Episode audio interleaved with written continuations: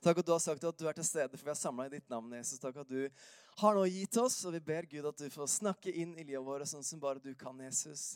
At du snakker inn i vår situasjon sånn som bare du kan. Og takk for at du eh, hjelper meg så jeg skal si de ordene du jeg skal si, Jesus. Og takk at du også snakker rett inn i livet til folk der de sitter.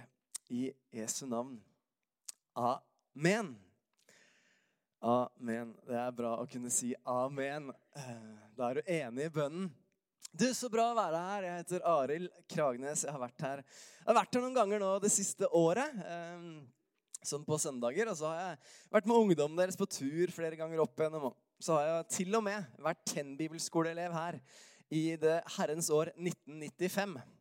Eh, og det er ganske lenge siden, da. Så det er stas. Det er stas å være her, og fint å være her. Jeg gleder meg også til onsdagen, når vi skal ha kveldsbibelskole. Eh, det blir veldig veldig spennende. Ehm, det er jo veldig gøy å få et tema som Den hellige ånds plass i våre liv. Smack, smack, to timer, så skal du få vite alt du trenger å vite. Ehm, jeg gleder meg til det. Spennende utfordring og spennende, spennende emne. Eh, og dere som har hørt meg noen ganger, dere vet at når jeg håper jeg har skjønt at uh, jeg liker å preke ganske praktisk. Uh, for jeg tror evangeliet er praktisk. Jeg tror at Jesus har utfordret oss på å leve praktiske liv. og Derfor så kommer vi til å snakke om det på, på onsdagen også når Den hellige ånds plass i våre liv, at det får en praktisk konsekvens. Men la meg ta tak i dagens det vi skal snakke om i dag. Jeg tenkte jeg skulle starte med en liten historie. For jeg vet ikke om du har det sånn at du noen ganger opplever ting i livet som brenner seg fast i hukommelsen din, og som får på en måte retning for livet på noen måter. Det en, kanskje det kan være en situasjon bare som du gjorde noe som var så flaut at du aldri glemmer det. At du tenker tilbake på åh, hvordan kunne jeg være så dum? Eller det kan være andre opplevelser som du har hatt som har bare brent deg fast inni deg. Men jeg husker veldig godt en episode jeg hadde som 15-åring. Det var omtrent på samme tid jeg var Tenbibelskoleelev her. og Da bodde vi i Holmestrand, der jeg er oppvokst. Og gikk i en kirke der i Holmestrand og var på ungdomsmøte. Det var sikkert før, før eller etter møtet. Og så kommer det altså Det er masse ungdom rundt omkring på huset, og jeg, jeg sto oppe Jeg husker hvilket rom jeg sto i. Eh, det var en liksom sånn gang på vei til en kafé som var i andre etasje i Filadelfia-kirken i Holmestrand. Og Så går det ei jente forbi som jeg var 15 ca. Hun var kanskje rundt 20 ish pluss. Og så slenger jeg ut, sånn som man ofte gjør. Ja, hvordan går det? Uh, og det jeg mente, var å si Hei sann, der er du. Nå har vi hilst. Da kan vi gå videre. Men det hun hørte, var Hei, hvordan går det? Så hun stopper opp, og så sier hun Siden du spør, Arild, så, så, går det ikke så veldig bra. Eh, og jeg var 15 år, så liksom, unnskyld med reaksjonen min, men jeg eh, Jeg skal ikke si navnet, for da hadde Jorunn visst hvem det var. Men, men jeg, jeg, ble, ble, så tatt på senga, for jeg tenkte hun er jo voksen nesten, og jeg er jo bare ungdom, så hun, hun skal vel ikke liksom, begynne å fortelle ting til meg. Så jeg sier følgende eh, Jeg skal be for deg, vi snakkes! Eh, fort unna. Men den dagen så skjedde det noe med meg. Um, siden den dagen så har jeg aldri turt å stille noen dette spørsmålet 'Hvordan har du det?' uten å mene det. Uh, så Derfor så er tittelen for denne prekenen i dag her 'Hvordan har du det sånn egentlig?' Hvordan har du det sånn egentlig? Mange som uh, Vi spør ofte i samfunnet vårt sier vi ofte 'alt bra'. Og så pleier jeg ofte å arrestere de som sier til meg 'alt bra'. Eh, og hvis jeg skal være ærlig, så er det vel ikke så veldig mange som kan si at alt er bra hele tida. Jeg veit ikke, altså, men eh, alt er i hvert fall ikke alltid bra hos meg. Og um, jeg kjenner behov for å, siden vi også er i denne samlingen her, så skal du spørre meg om dagen om alt er bra, så sier jeg at nei, alt er ikke helt bra. Uh, mange, av dere, mange av dere vet godt hvem mammaen min er. Og uh, i sommer så uh, fikk jeg en telefon. Jeg hadde akkurat kommet hjem fra Spania. Mamma hadde vært på et sånn misjonsstevne og kommet hjem på søndagen. Og På mandagen jeg hadde kommet hjem fra Spania, så ringer politiet meg. Kvart over fire. Og så uh, sier de hei. du er sønnen til Kjeldrun Aasheim. Ja, det er jeg. Hun går her på en gul stripe midt på Bispeveien og virker veldig forvirra. Enden på visa er at mamma har fått en hjerneblødning. Og mange av dere, flere av dere vet dette her. Mamma fikk en hjerneblødning. Eh, vi dro på akuttmottaket på sykehuset. Jeg ser bare mamma forsvinner mer og mer fordi hjerneblødningen pågår. Uh, ender opp med nå ligger hun på noe som heter Re helsehus i, i Våle og var lam i halve siden av kroppen. Mista all tale. Uh, kan si litt sånn ja og nei, kanskje, og vi vet ikke helt hva hun skjønner og ikke skjønner. Men da, alt er ikke bra. Alt er ikke bra. Men allikevel da, så syns jeg livet er ganske fantastisk. Alt er ikke bra, men jeg vet at for egne så har jeg fått en grunntone i livet mitt som vet du, det er ganske bra likevel. Det er noen ting som strever rundt meg, som, som gjør at jeg kunne gått ned i søla og gitt opp, egentlig. Men jeg har en grunnballast i livet som gjør at alt er ikke bra, men mye er bra. Så jeg er helt overbevist om da, at livet kan være fantastisk. og Livet kan være så nydelig, men livet er også utfordrende. Og Når jeg leser Bibelen, så leser jeg i utgangspunktet at Gud er en god Gud. Han er en Gud som ønsker at du skal ha det godt. Han er en Gud som elsker deg og meg, som vil at vi skal ha det godt i livet våre. Og Johannes, en av Jesus' sine disipler, som også har skrevet Johannes evangelium, han, han sier i, i 3. Johannes brev, vers 2, så står det følgende. Du kjære, jeg ønsker at du i alle ting må ha det godt og være ved god helse, like som din sjel har det godt. Du kjære, jeg ønsker i alle ting at du må ha det godt og være ved god helse, like som din sjel har det godt. Paulus han skriver til de som bor i byen Filippi, Filipperne 4, vers 4 og til og med vers 7. Gled dere alltid Herren. Igjen vil jeg si gled dere. La alle mennesker få merke at dere er vennlige. Herren er nær. Vær ikke bekymra for noe, men legg alt dere har på hjertet framfor Gud. Be og kall på Han med takk. Og Guds fred, som overgår all forstand, skal bevare deres hjerter og deres tanker i Kristus Jesus.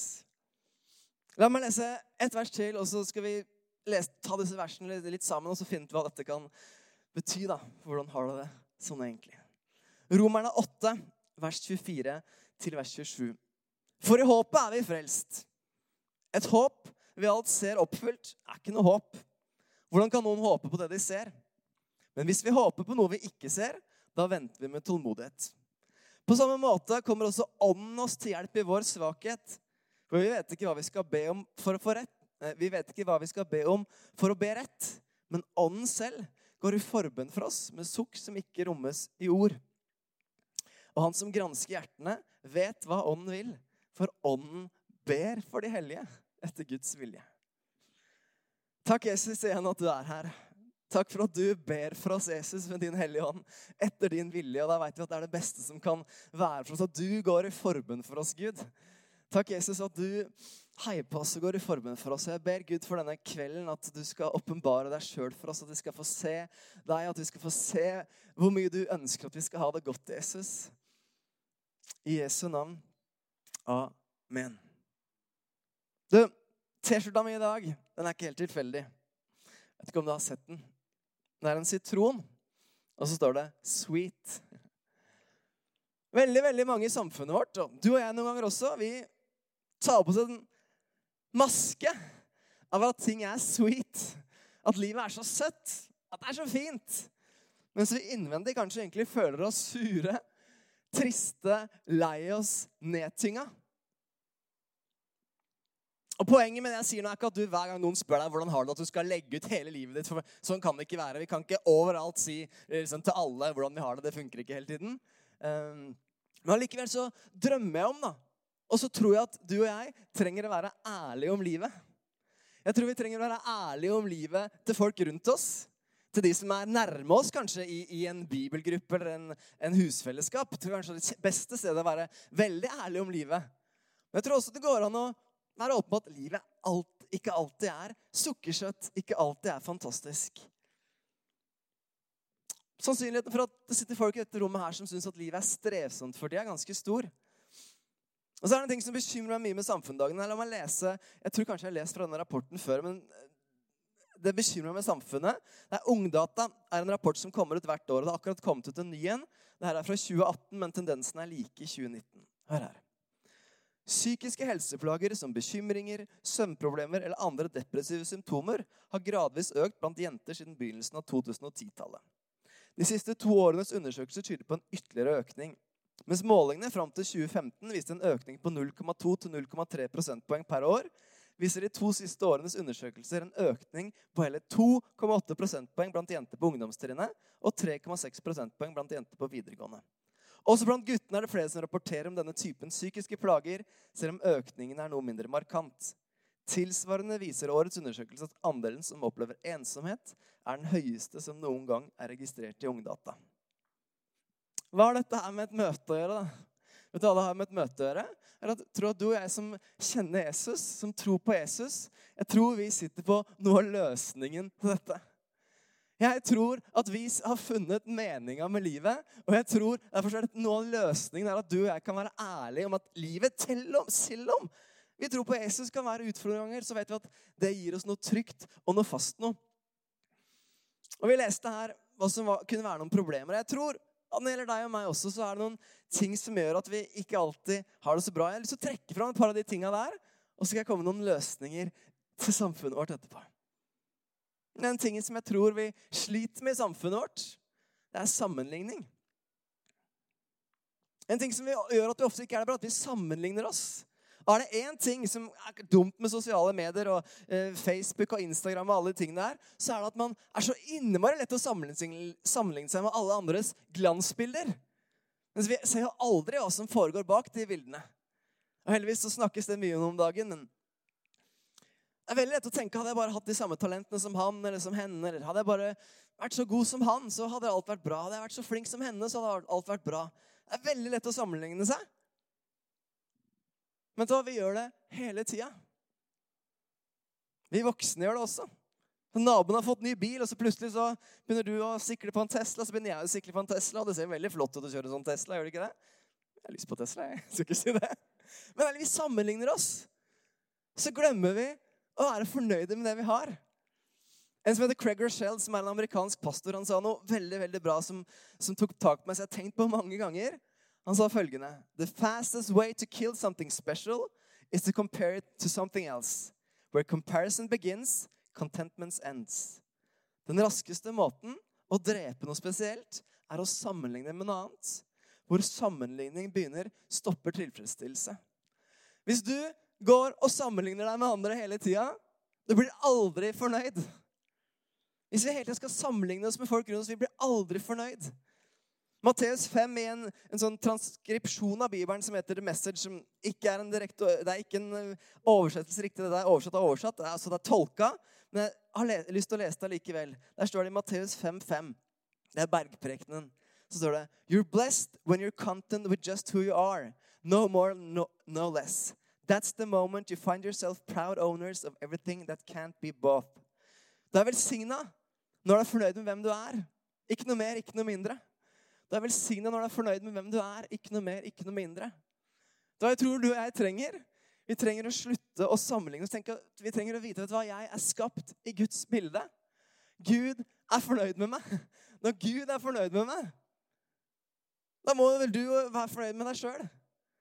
Da må vi slutte å sammenligne oss med alle andre.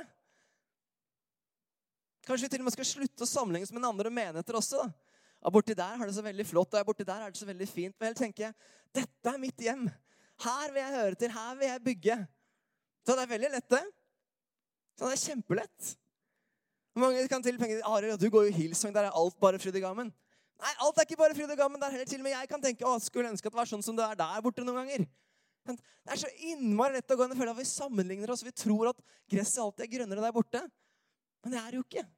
Vi som har blitt voksne, vet jo at gresset er grønnest der hvor du vanner og pleier og gjødsler. Der du fikser det. ikke sant? Der er gresset grønnest. Så la oss ikke sammenligne så veldig mye. En annen ting som jeg tror at gjør at vi kanskje ikke har det så bra alltid, det er bekymring. Vi bekymrer oss. Og jeg veit ikke helt når man virkelig begynner å bekymre seg, men noen bekymringer er kanskje tydeligvis viktigere enn andre. Da. For vi bekymrer oss for økonomi, eh, for utdanning, når vi får unger, så begynner vi å bekymre oss for ungene våre. For vennene våre. Eh, vi bekymrer oss for de vennene vi ikke har. Eh, som vi skulle ønske vi hadde. Så leste vi her hva Paulus skrev til de folka som bodde i den byen Filippi.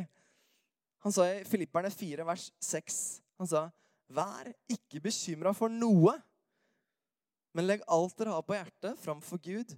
Be og kall på Han med takk.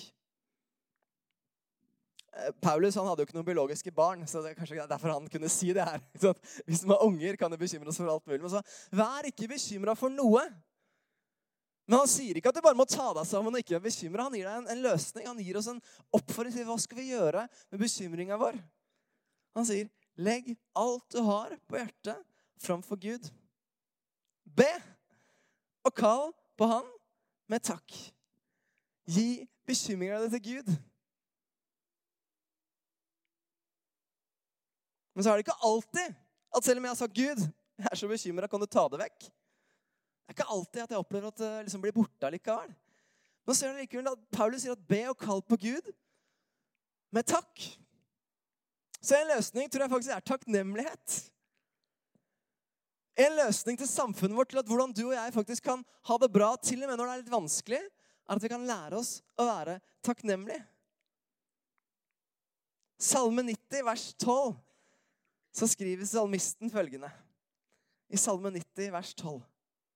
Lær oss å telle våre dager, så vi kan få visdom i hjertet. En annen måte å oversette det verset på kan være å lære oss å telle dagene, så jeg kan sette pris på det jeg har. Eller lær meg å være takknemlig for det jeg har fått. Lær meg å se på hva jeg allerede har, og være takknemlig over det som Gud har lagt i hendene mine. Mange av salmene som, som, David skriver, og salmene i Bibelen, har et ord i seg som er ufattelig rart. Sela. Sela står det stadig vekk om. Det er ulike oppfatninger av hva det ordet betyr, og teologer snakker litt fram og tilbake. Språkforskere snakker fram og tilbake. Men en ganske igjen, sånn vanlig oversettelse er pause. Eller pause and think about it. Eller stopp og tenk over det. Jeg tror du og jeg noen ganger så trenger vi å stoppe og tenke over hva er det Gud har gitt oss i livet. Hva er det jeg har å være takknemlig for? Hva er det Gud har gitt meg som jeg kan være takknemlig for? Hvilke ting er det jeg har som jeg faktisk bør takke for? I stedet for å tenke alt jeg skal være bekymra for, så skal jeg begynne å takke for alle de tinga her. Jeg tipper at hvis du hadde begynt å skrive en liste og så tenkte jeg, Hver dag skal jeg prøve å skrive ned én ting. En ny ting som jeg er takknemlig for så tipper jeg at du i løpet av et år hadde klart å skrive en eneste ting, eh, fortelle ting hver eneste dag. Du hadde fått til å skrive 365 ulike ting i livet ditt som du kunne vært takknemlig for. Takknemlighet kan hjelpe deg, det kan hjelpe meg å ha det bra midt i stormer. En annen ting som jeg tror kan hjelpe oss når livet er utfordrende, det er det som heter perspektiv. Når ting er vanskelig, når du står midt i en storm, så er det viktig å ha perspektiv i livet sitt. Det, det kjenner jeg som eh, pendla til Vestlandet mye da jeg var barn, fordi mamma er fra Vestlandet, fra Folkestad. Vi kjørte stadig vekk over Strynfjellet. Og jeg ble veldig bilsjuk stadig vekk. Men jeg lærte meg et triks. Løft blikket og se framover på veien. Perspektiv. Løft blikket og se framover. Vet du hva? Hvis vi kan løfte blikket vårt, hvis du kan løfte blikket ditt i den situasjonen du står i, de vanskelige tinga du opplever, så tror jeg at ting kan se lettere ut der framme. En sommer så var jeg på en strand i Horten med en kamerat som heter Tommy. og eh, Det var en kjempevakker dag, sånn som i dag. Eh, det var nesten, nesten skyfri himmel, og mange folk var ute og nøyt sola. Og så ligger vi der, og så plutselig kommer det en sky forbi som stopper sola. Så det blir litt sånn kjølig. da, ikke sant? Om sommeren i Norge så blir det litt kaldt hvis ikke sola er framme. Eh, og så sier Tommy, vennen min, en vits han sa jeg tror jeg drar i meg, det ble litt kaldt nå. Så både han og jeg ser jo oppå at den skyen forsvinner om tre minutter. Men veldig veldig mange mennesker som jeg har møtt i livet, de gjør følgende.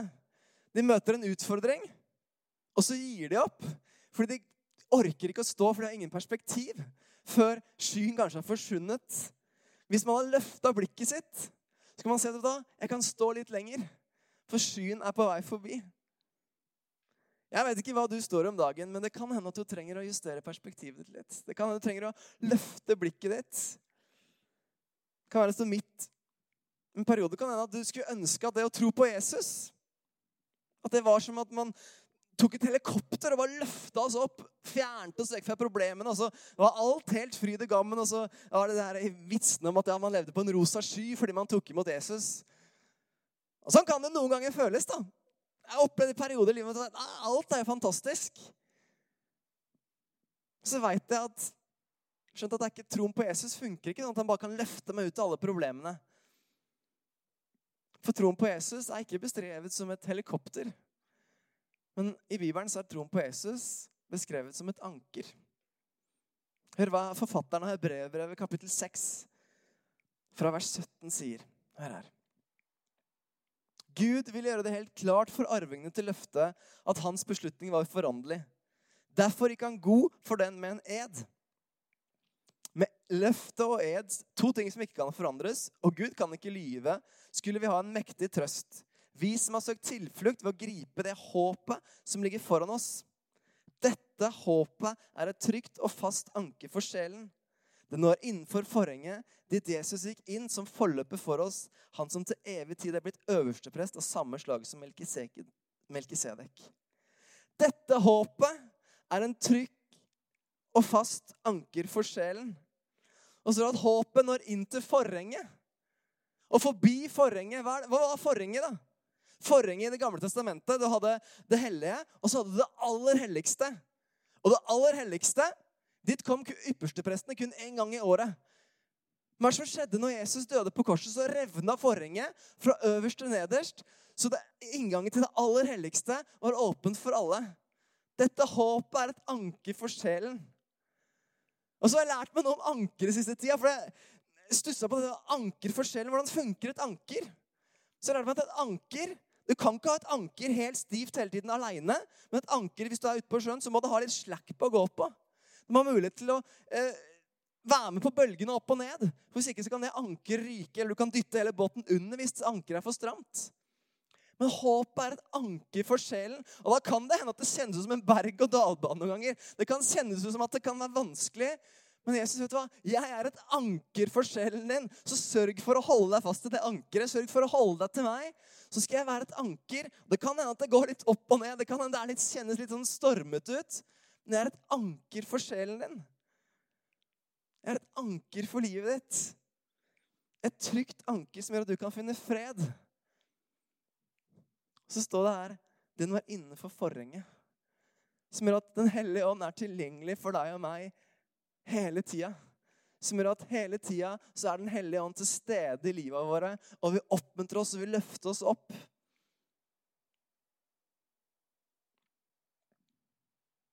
Paulus sa i Filippebrevet 4, vers 7 i det siste verset Han sa Og Guds fred, som overgår all forstand, skal bevare deres hjerter og tanker i Kristus Jesus. Fred. Guds fred som overgår all forstand. Det var jeg tror midt i stormen, midt i livet, og midt i stormen som vi til og med kanskje nå ikke skjønner hvor kommer fra, så kan vi kjenne at det kan være en fred der som er overnaturlig. Mange ganger i livet så har jeg kjent på denne freden. Den freden kjente jeg sist på når jeg var med mamma på sykehuset. Jeg, hun lå der og hadde kommet seg ned i senga til slutt. og Hun skjønte ikke hva som foregikk, helt sikkert, og språket forsvant mer og mer. og Jeg begynte å sitere Salme 23 for mamma. Herren er min hyrde, jeg mangler ingenting. Han lar meg ligge i grønne enger. Han fører meg til vann der jeg finner hvile. Selv om jeg går gjennom dødsskyggens dal, så frykter jeg ikke for noe vondt. Guds fred som overgår all forstand.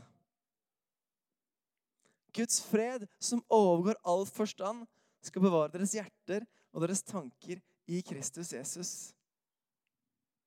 Det var og jeg trenger. Jeg trenger i hvert fall. Ikke snakk for deg, men jeg skal snakke for meg. Jeg trenger Guds fred. Så trenger jeg å sørge for at jeg kan ha Han som anker livet mitt. Og så veit jeg at når jeg ikke har kontroll sjøl Når jeg merker vet du hva, Gud, dette fikser jeg ikke, dette klarer jeg ikke, så vet jeg at Gud har kontroll. Når jeg har lært meg å stole på at da, Gud han har kontroll, selv om man går gjennom dødsskyggens dal, selv om man ikke helt vet utgangen på ting En sånn type fred tror man kan lære folk å være takknemlige, og det tror jeg er kjempebra å være. Tror du kan lære folk av perspektiv, og det skal vi gjøre. Jeg tror vi kan lære mange ting for å ha det bra i livet våre. Så det er én ting som kun fins i Jesus Kristus, En type fred som funker i alle livets situasjoner, som er til stede når det stormer som verst. Jeg starter med å lese tre vers, og to av versene har jeg kommet innom, men jeg skal lese en til Romerne 8 for deg. Jeg skal lese fra og med vers 26. Romerne 8, 26 en gang til. På samme måte kommer også Ånden oss til hjelp i vår svakhet. For vi vet ikke hva vi skal be for å be rett, men Ånden selv går i forbønn for oss med sukk, som ikke rommes i ord, eller med sukk uten ord. Og han som gransker hjertene, vet hva Ånden vil, for Ånden ber for de hellige etter Guds vilje. Vet du hva? Hvis du ikke har det bra, så kan du vite at Den hellige ånd, han ber for deg. Ånden sjøl ber for deg. Og så tror jeg han ber om at du skal få perspektiv. Jeg tror Den hellige ånd ber om at du skal få øya dine åpne og se at vet du hva? Gud han vil deg det beste. Han vil at du skal ha det godt. Så tror han vil at du skal få se at håp er et anker for sjelen din. Som vi kan være med å gi til mennesker rundt oss. vet du hva? Jeg vet ikke alt, jeg har ikke svarene på alt som står i Bibelen. Jeg har ikke svar på alt som, som fins av spørsmål i verden her. Men jeg har en ting, jeg har et håp som er et anker for sjelen min, som, som virker når livet stormer som verst. Som gjør at det er en fred som overgår all forstand. Det ber jeg om. At vi som menigheter i denne byen her kan være med å gi til denne folka som fins her. At de kan få, ved at du og jeg også lytter til Den hellige ånd. Vi skal ikke snakke om det på onsdag, for dere som kommer dit, lytter til Den hellige ånd. Sånn at vi kan være de som peker folk Jesus, mot Jesus, så folk kan få se hvem han er. Så folk kan få kjenne hans fred som overgår all forstand. Så jeg vet ikke hvordan du har det sånn egentlig. Men jeg ber om at du skal få øynene åpna. Du skal få kjenne Guds fred midt i det livet der. Kan vi reise opp på føttene våre? Skal vi be en bønn sammen? Vi kanskje til og med be sammen hvis det er naturlig at vi gjør det etterpå. Det, det ser vi også der. Men jeg takker deg, Jesus, igjen nå. At du er her. Takk for at du vil at vi skal ha det godt. liksom Vår sjel har det godt. liksom Vi kan vite at vi er på vei til himmelen til vi skal se deg. Så, så tror jeg også du vil at vi skal ha det godt mens vi er her nede. Jesus. Jeg ber for alle som fins i dette rommet. Jeg ber for de som syns at livet er tøft om dagen. Jeg ber Gud at du skal komme med din helt spesielle fred, at de kan få kjenne din fred som overgår all forstand. Så at de skal få øye opp for å se deg enda en gang. Hvordan du elsker oss, hvordan du vil det beste for livet vårt, Jesus. Takk at du er til stede her nå. Takk at du er til stede her, og vi rører ved hjertene våre, Jesus. Du vil snakke inn i livet våre. Jeg ber at du i dette øyeblikket snakker inn i livet til de som trenger spesielle oppmuntringer fra deg, Jesus. Takk for at du ved ånden så er du til stede, og du snakker inn i livet våre.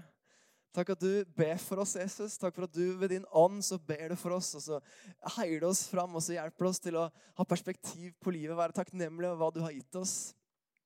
Så takker vi deg for at du er her, Jesus. Vi ber Jesus om at du gjør det bare du kan gjøre nå. Jesus, At du gjør ting inn i hjertene til folk som virkelig trenger det her inne nå. Takk for at du kjenner oss. For at du kjenner oss. Kan ikke dere som synger og spiller, kan ikke dere bare komme opp og gjøre dere klare også? Så har vi kanskje en stund hvor det er mulighet for å komme fram og, be, og be, bli bedt for hvis du ønsker det. Det er sikkert flere forbedre som kan være med og, og be. Og hvis du ønsker det, så takker jeg igjen, Jesus Kristus, at du gjør din gjerning i denne byen. Vi ber for vennene våre Jesus, som ennå ikke kjenner deg. Vi ber at de skal få kjenne din fred. Og vi ber, at, ber for dette samfunnet som er prega av, av egentlig en dårlig kurve når det gjelder psykisk helse, Jesus, så, så, tror vi at du og troen på deg er en løsning, Jesus, som denne verden trenger. Som, som folk i denne byen trenger, Jesus, at de skal få se hvem du er. Takk for ditt nærvær.